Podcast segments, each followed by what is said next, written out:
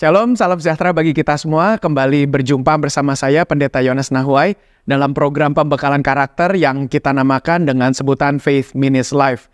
Pertemuan saat ini adalah pertemuan keempat dari pembahasan kita dari satu rangkaian serial yang berjudul Tujuh Cara Memiliki Wajah Seperti Malaikat.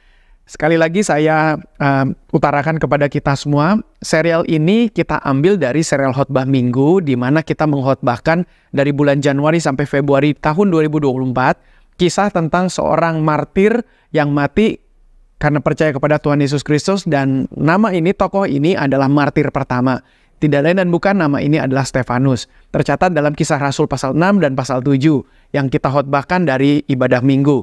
Dan puji Tuhan, Salah satu jargon atau ungkapan yang saya gunakan dari kisah Stefanus ini adalah bagaimana Alkitab menggambarkan Stefanus memiliki wajah seperti malaikat.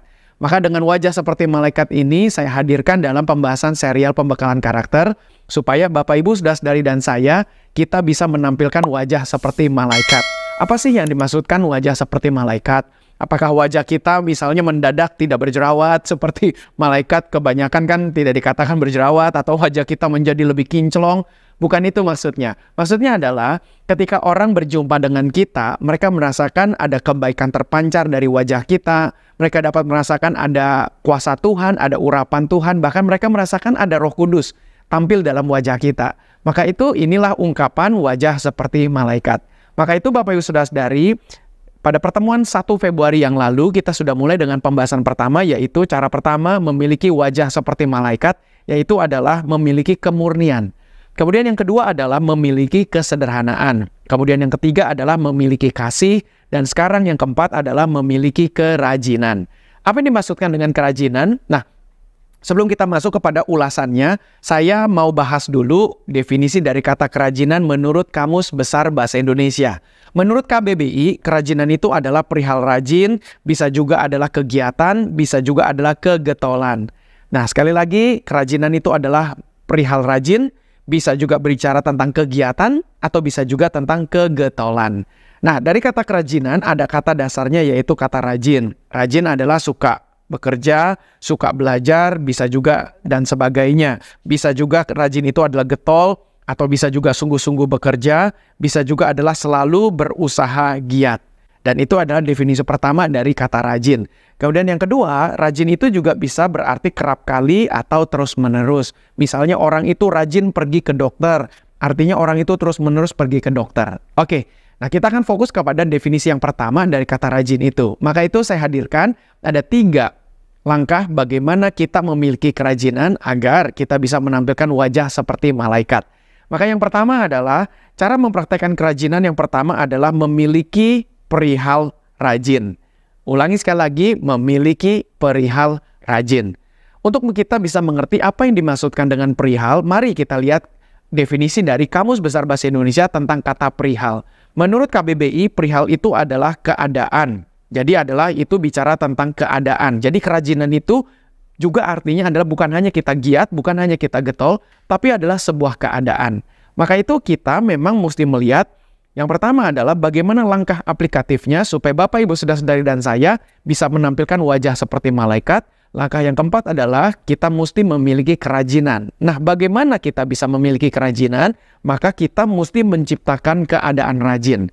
Bapak Ibu sudah sadari sebelum kita bisa melakukan sebuah kegiatan, pasti kita harus memasukkan kegiatan itu di dalam pikiran kita.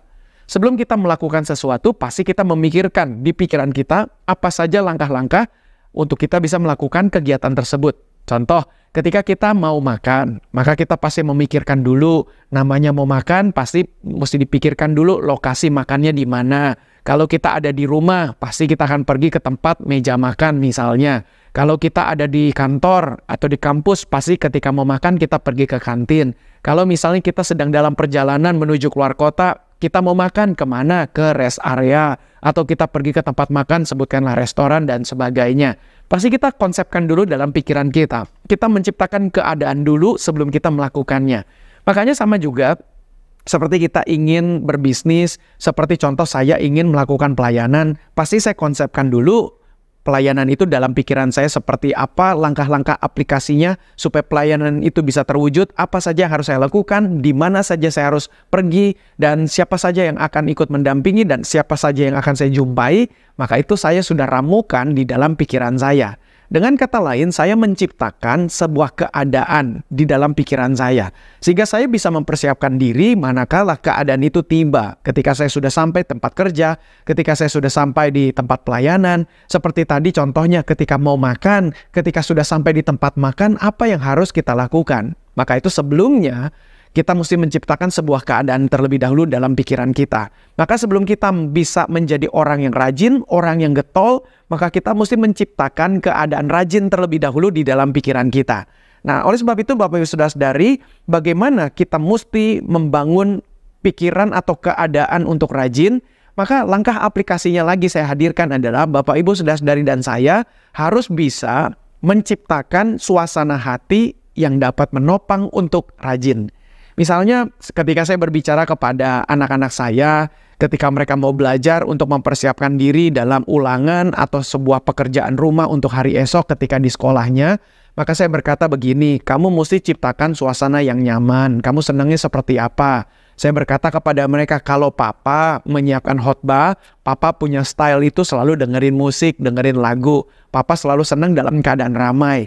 Makanya ketika saya menyiapkan khotbah, menyiapkan materi, dalam keadaan ramai saya tidak masalah. Malah saya lebih menyukai dalam keadaan ramai. Kalau tempatnya terlalu sepi, saya malah uniknya saya kurang bisa menyiapkan bahan daripada dibandingkan ketika tempat itu lebih ramai. Jadi itu saya ceritakan kepada anak-anak saya. Jadi saya berkata kepada mereka, coba kamu temukan gaya kamu itu dalam menciptakan suasana hati untuk bisa belajar itu seperti apa. Ada orang misalnya juga beberapa orang yang saya kenal, mereka mesti minum kopi dulu, mereka minum teh dulu, mereka harus makan nyemil-nyemil dulu supaya mereka bisa apa namanya membangun suasana yang menyenangkan hati supaya mereka bisa melakukan kegiatan tersebut. Ada juga misalnya teman saya yang dulu waktu saya sekolah dulu, dia harus pegang benda yang lain.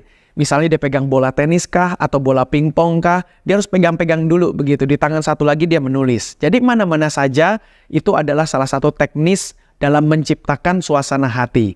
Tetapi buat kita semua, yang penting adalah kita mesti menyiapkan sebuah keadaan supaya kita bisa rajin. Dimulai dengan suasana hati kita dulu. Maka itu kita singkirkan segala hal yang tidak terkait dengan kegiatan yang mau kita lakukan. Misalnya contoh ketika saya mau siapkan diri untuk pelayanan, pasti hal-hal lain tidak saya pikirkan. Maka itu ketika misalnya contoh urusan rumah tangga, puji Tuhan istri yang membantu sehingga saya tidak perlu dipusingkan dengan urusan rumah tangga. Ketika misalnya juga istri saya mengurus urusan anak-anak, saya tidak perlu bebankan urusan gereja tentang hal-hal apa pun dalam pelayanan saya kepada istri saya.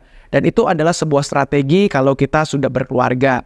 Misalnya juga dengan orang tua, Misalnya saya sebagai orang tua terhadap anak-anak saya, ketika saya masuk ke kamar mereka atau saya melihat mereka sedang ada di meja belajar, saya ketika melihat mereka saya hanya tanya saja, "Kamu lagi apa?" Misalnya mereka berkata, "Oke, okay, lagi belajar." Ya udah, karena saya sudah tahu mereka sudah sedang dalam kegiatan belajar, saya tidak ganggu lagi. Jadi artinya dalam menciptakan suasana hati ini kita bisa bekerja sama dengan orang-orang di sekitar kita juga untuk kita bisa memberitahu mereka tolong bantu supaya aku bisa menciptakan suasana hati yang baik supaya aku bisa rajin. Maka itu langkah pertama sekali lagi supaya kita bisa memiliki wajah seperti malaikat, supaya kita bisa mendapatkan kemudahan-kemudahan dalam aktivitas kegiatan kita, maka itu kita mesti memiliki langkah yang keempat yaitu adalah rajin. Puji Tuhan. Yang kedua, Definisi dari kata kerajinan tadi atau kata rajin adalah memiliki kegiatan. Maka harus berkegiatan, Bapak Ibu sudah sadari. Jadi kita mesti biasakan diri untuk menciptakan kegiatan untuk dilakukan. Bapak Ibu sudah sadari jangan biasakan diri untuk santai. Bukan berarti santai itu tidak boleh. Saya juga senang kok santai-santai. Tapi santainya saya sudah dalam kategori yang berbeda daripada santai saya yang dulu. Kalau saya santainya dulu mah pengennya tidur seharian, pengennya santai nggak ngapa-ngapain, pengennya nonton TV, hanya habiskan waktu saja sampai matahari terbenam. Tet tetapi sekarang model santainya saya adalah santai yang berkualitas. Jadi Bapak Ibu sudah sadari, kita mesti tempuh diri kita, pacu diri kita, bawa diri kita sampai kepada satu titik di mana kita itu mengambil sikap santai kita itu bukan santai seperti zaman kita muda dulu Seperti zaman kita anak-anak, misalnya anak kecil ketika, ya contoh putra-putra saya, ketika hari libur, mereka pasti akan marah, akan ngambek kalau pagi-pagi saya bangunin. Ketika saya bangunin mereka pagi-pagi, mereka bertanya, sekarang jam berapa? Saya berkata jam 6 pagi. Wah, mereka pasti akan akan protes kepada saya. Ini kan nggak sekolah, kenapa mesti bangun jam 6 pagi? Begitu. Nah, tapi sekarang saya yang sudah pasti udah menjadi gembala, pikiran saya sudah makin banyak lagi yang harus saya pikirkan dan konsentrasikan untuk persiapan khotbah minggu, persiapan pembekalan karakter seperti ini. Maka model santainya saya mau tidak mau harus konstruktif, harus produktif untuk menopang tugas pekerjaan saya. Jadi kalau saya mau siapkan khotbah, santainya saya itu adalah ya berarti saya tinggalkan komputer saya dulu, kemudian saya akan beralih misalnya ya udah baca buku sebentar lah untuk saya bisa bersantai sebentar. Nah, buku itu pasti buku bertujuan tentang khotbah. Atau sekedar juga yang lainnya adalah ketika misal bersantai, maka saya akan buka media sosial saya, saya akan coba lihat lagi apakah ada orang kirim pesan ke saya, ada orang kirim komentar atau tidak. Karena di bagian uh, di media sosial itu saya ingin dan selalu senang untuk membangun hubungan dengan orang-orang. Maka itu saya ambil santainya saya itu adalah kegiatan yang membangun kegiatan konstruktif atau kegiatan produktif.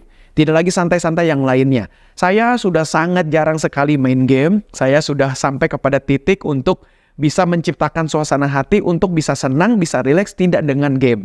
Jadi artinya saya mencoba melihat misal sekali lagi buka medsos saya entah di Instagram, entah di Facebook, entah di TikTok atau di YouTube sekalipun untuk melihat apakah ada yang memberikan komentar nggak sehingga saya bisa membangun interaksi dengan mereka. Sehingga saya bisa mulai menciptakan santainya saya itu sudah santai yang produktif. Bukan santai yang buang-buang waktu, tidak ada gunanya, atau sekedar cuman keluar rumah nggak jelas, cuman keliling-keliling. Bagi saya, aduh kayaknya udah udah nggak bisa lagi. Saya hamburkan waktu untuk kegiatan seperti itu. Jadi Bapak Ibu sudah sadari, memang yang kedua adalah bagaimana caranya supaya kita bisa memiliki atau mempraktekkan kerajinan dalam rangka bisa memiliki wajah seperti malaikat maka itu kita mesti mempunyai kegiatan. Stefanus ketika dikatakan dalam kisah Rasul pasal 6, wajahnya bisa seperti wajah malaikat, maka pasti dia itu adalah orang yang rajin. Makanya tidaklah aneh dari uh, kisah Rasul pasal 2 waktu Pentakosta terjadi, kisah Rasul pasal 3 waktu Petrus berkhotbah, 2000 orang bertobat, saya menduga Stefanus bertobat dari kumpulan 2000 orang tadi. Kemudian di pasal yang keempat, mulai rasul-rasul ditangkap, sampai pasal lima rasul-rasul dilepaskan, doa jemaat dan seterusnya, sampai kepada pasal 6, Stefanus mulai muncul, dan di sana dikatakan orang-orang percaya setiap hari berkumpul di rumah masing-masing dan mereka bertekun dalam pengajaran rasul-rasul. Jadi pasti Stefanus bisa punya wajah seperti malaikat karena Stefanus rajin. Karena Stefanus setiap hari itu ikut berkumpul tiap-tiap hari di bait Allah dan malamnya mereka berkumpul di rumah masing-masing.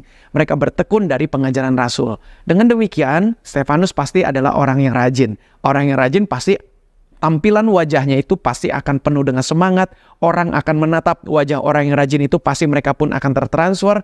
Aura positifnya, atmosfernya terasa bahwa orang itu adalah rajin. Puji Tuhan. Maka itu Bapak Ibu sudah sadari kita memang perlu menciptakan keadaan rajin supaya kita ini bisa menampilkan wajah seperti malaikat. Haleluya. Kemudian yang terakhir, yang ketiga adalah bagaimana kita harus bisa rajin dengan cara yang ketiga memiliki kegetolan. Saya cek lagi di dalam Kamus Besar Bahasa Indonesia, kata kegetolan itu apa definisinya? Definisinya adalah kegetolan itu adalah perihal getol. Artinya keadaan getol. Maka itu kita lihat lagi dari kata getol itu apa definisi kata getol. Getol itu adalah rajin. Getol itu ada tekun dalam mencari. Getol itu juga adalah bersemangat. Maka dari tiga definisi itu, yang pertama rajin, kita eliminir karena kita sudah bahas di poin 1 dan 2. Kemudian yang kedua adalah dari kata getol itu definisinya adalah tekun dalam mencari. Maka ini yang akan menjadi fokus kita. Maka Bapak Ibu Saudara-saudari supaya kita bisa memiliki kegetolan, kita mesti menciptakan keadaan yang terus-menerus bertekun dalam mencari. Ulangi sekali lagi. Jadi Bapak Ibu dalam langkah supaya kita bisa memiliki kegetolan, saya dan kita semua harus mempraktekkan ketekunan dalam mencari. Apa maksudnya ketekunan dalam mencari? Jadi kita mesti melakukan pencarian dengan tekun untuk mencapai keberhasilan. Seperti dalam ulasan saya tadi di poin yang kedua, di mana kita semua harus memiliki sebuah kegiatan, maka Bapak Ibu sudah sadari supaya kita bisa punya wajah seperti malaikat, kita bisa rajin, maka kita mesti memiliki kegetolan, yaitu menciptakan keadaan di mana kita tekun untuk mencari. Apa pencariannya? Yaitu pencarian untuk keberhasilan. Maka seperti yang saya katakan tadi, saya ketika sedang dalam keadaan santai, rileks, rileksnya dan santainya itu sudah harus santai produktif. Rileksnya adalah rileks produktif. Jadi ketika saya mau jalan-jalan pun misalnya dengan keluarga, sebutkanlah ketika mau keluar kota jalan-jalan ke Bogor, kita sedang tamasya bersama dengan anak dengan keluarga dan di sana pun saya terus-menerus tekun untuk mencari. Mencari apa? Mencari inspirasi. Kenapa? Karena saya mau khotbah hari minggunya. Jadi apa pun, ke mana pun, di mana pun, ketemu dengan siapa pun, saya selalu tekun untuk mencari inspirasi. Ketika saya misalnya sedang menyetir kendaraan, ketika dalam keadaan berhenti di lampu merah. Maka ketika menunggu lampu merah berubah menjadi hijau untuk saya jalan, maka dalam keadaan itu yang hanya beberapa puluh detik saja, anggaplah setengah menit, saya luangkan waktu. Coba lihat-lihat keluar, cari inspirasi. Mungkin ada satu dan dua hal yang saya bisa dapat dari inspirasi itu. Dan kalau saya dapat sebuah inspirasi, buru-buru saya ambil handphone, saya catat inspirasi itu di handphone saya. Jadi supaya inspirasi itu tidak hilang, siapa tahu dari catatan saya itu bisa kemudian dipergunakan di khotbah minggu besoknya atau satu waktu nanti di ibadah minggu kapan lagi atau di kesempatan seminar yang lain saya bisa pakai catatan saya itu yang didapat dari inspirasi tadi. Makanya harus memiliki kegetolan. Jadi kegetolan itu bisa dicapai dengan mempraktekkan ketekunan untuk mencari. Jadi kita cari terus, cari inspirasi terus.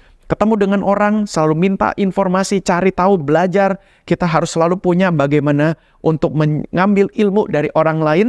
Sehingga ini juga menolong kita semua, Bapak Ibu sudah sadari, sehingga kita tidak perlu belajar semua ilmu dalam bidang akademis, dalam arti kita harus kuliah. Contoh, saya sudah gelarnya adalah sarjana teologi.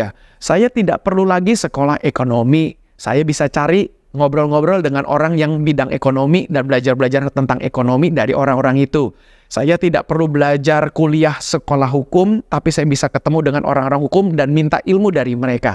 Dan Bapak Ibu sudah sadari juga tidak perlu sekolah Alkitab, bisa ngambil ilmu, minta ilmu dari saya perihal tentang iman Kristen. Jadi inilah caranya bagaimana kita harus terus-menerus dalam keadaan mencari. Yang terakhir, langkah yang kedua, dalam rangka memiliki ke kegetolan supaya kita memiliki wajah seperti malaikat, yaitu adalah menampilkan semangat. Karena dari definisi yang ketiga dari kata getol tadi adalah bersemangat. Maka langkah aplikasinya adalah supaya kita bisa memiliki kegetolan, maka kita harus menampilkan semangat. Maka Bapak Ibu Saudara-saudari dan saya harus memelihara semangat di dalam diri kita untuk selalu melawan rasa malas. Semua kita bahkan saya sekalipun, bahkan pendeta Yakob Nahwai sekalipun. Bahkan saya bisa juga berkata kok, Bapak Presiden kita, para menteri, semua orang-orang hebat sekalipun, semua kita mempunyai bibit malas. Pertanyaannya sederhana, dari mana Pak Pendeta bibit malas itu? Jawabannya juga adalah sederhana, yaitu dari dosa. Karena dosa lah membuat kita malas. Maka itu dosa yang membuat kita senang dengan kedagingan, maunya santai, maunya tidur-tidur. Artinya kalau tidur berbobot itu nggak masalah ya Bapak Ibu sudah dari contoh. Ketika misalnya saya dalam perjalanan uh, keluar kota untuk pelayanan, saya ambil waktu untuk saya bisa istirahat sebentar entah di mobil kah, entah di pesawat kah, entah di kereta kah, entah di bus kah, saya ambil waktu untuk beristirahat. Artinya istirahat atau tidur-tidur itu adalah produktif untuk bisa mengambil kembali kekuatan, mengumpulkan kembali kekuatan. Tapi tidurnya pun juga tidur yang baik dalam arti bukan lama-lama berlarut-larut. Misalnya sedang liburan di rumah pun, saya ambil juga waktu kok ketika liburan, di siang hari saya tidur sebentar istirahat. Tapi biasanya saya pasang alarm untuk saya atur tidurnya itu adalah 40 menit, 45 menit. Udah begitu saya harus tertib untuk bangun, untuk saya sudah dapatkan tenaga baru, saya langsung kemudian melanjutkan kegiatan berikutnya. Jadi dengan kata lain Bapak Ibu sudah sadari, dalam rangka kita bisa memiliki wajah seperti malaikat, maka yang keempat langkahnya adalah kita mesti memiliki kerajinan. Dan dalam episode ini saya sudah bagikan ada tiga cara bagaimana kita bisa mendapatkan atau mempraktekkan kerajinan. Sekali lagi sebagai penutupan, maka kesimpulannya adalah yang pertama, cara pertama bisa mempraktekkan kerajinan adalah memiliki perihal rajin. Bapak Ibu mesti menciptakan keadaan rajin. Kemudian yang kedua adalah memiliki kegiatan. Cari kegiatan supaya kita jangan vakum, supaya kita tidak santai-santai yang tidak produktif. Cari kegiatan terus. Yang kegiatan itu berguna untuk membuat kita semakin bisa naik tingkat ke tingkat selanjutnya. Yang ketiga adalah memiliki kegiatan. Harus ada kegiatan. Di mana ke, maksud saya yang ketiga adalah memiliki kegetolan. Bahwa kita harus tekun dalam mencari apa pun dalam bidang kita selalu tekun-tekun mencari ilmu, mencari ilmu. Maka saya percaya pasti kalau kita melakukan langkah yang keempat ini, kita bisa mencapai keberhasilan dan saya yakin dan percaya kita pun punya wajah akan tampak seperti malaikat. Orang melihat kita, orang akan tertransfer semangatnya. Orang berbicara dengan kita, orang tahu bahwa kita ini pasti bersemangat dan mereka senang ngobrol dengan kita dan berbicara dengan kita.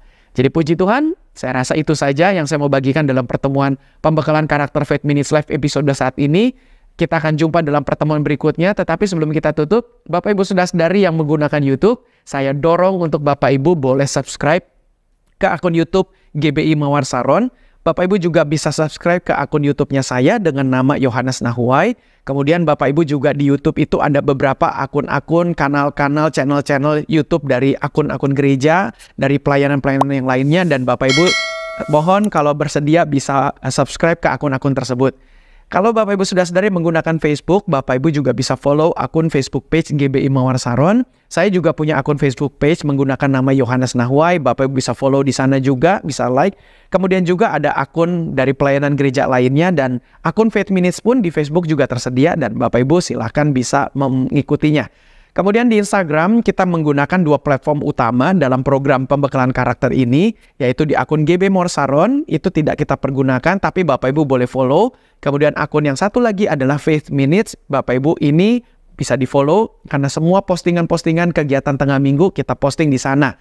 Bapak Ibu bisa nikmati di situ.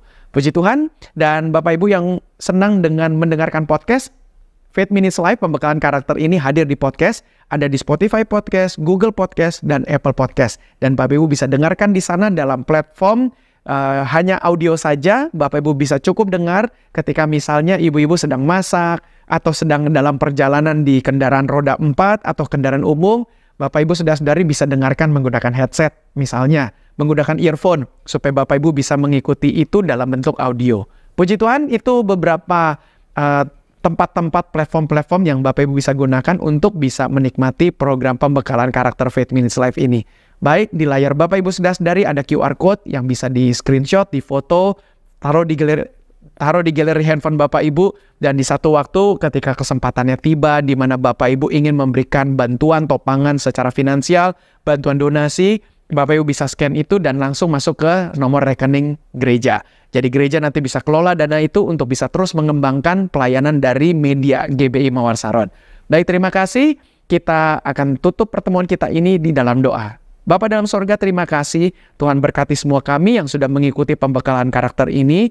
Tuhan terus tolong supaya kami semua bisa menampak bisa uh, menapaki langkah-langkah maju dalam kehidupan kami sehingga kami semua bisa mencapai keberhasilan. Dan Bapa kami berdoa supaya kami bisa memiliki kerajinan karena kami yakin dan percaya orang-orang yang rajin pasti memiliki raut wajah yang berbeda dan orang pasti akan senang ketika berbicara dengan orang-orang yang rajin. Maka itu Bapa bantu kami supaya kami bisa melawan kemalasan kami kami bisa mengatur waktu kami dengan bijaksana supaya kami semua bisa menjadi orang rajin sehingga kami memiliki wajah seperti malaikat sehingga kemudiannya kami dapat kemudahan-kemudahan dalam hidup kami.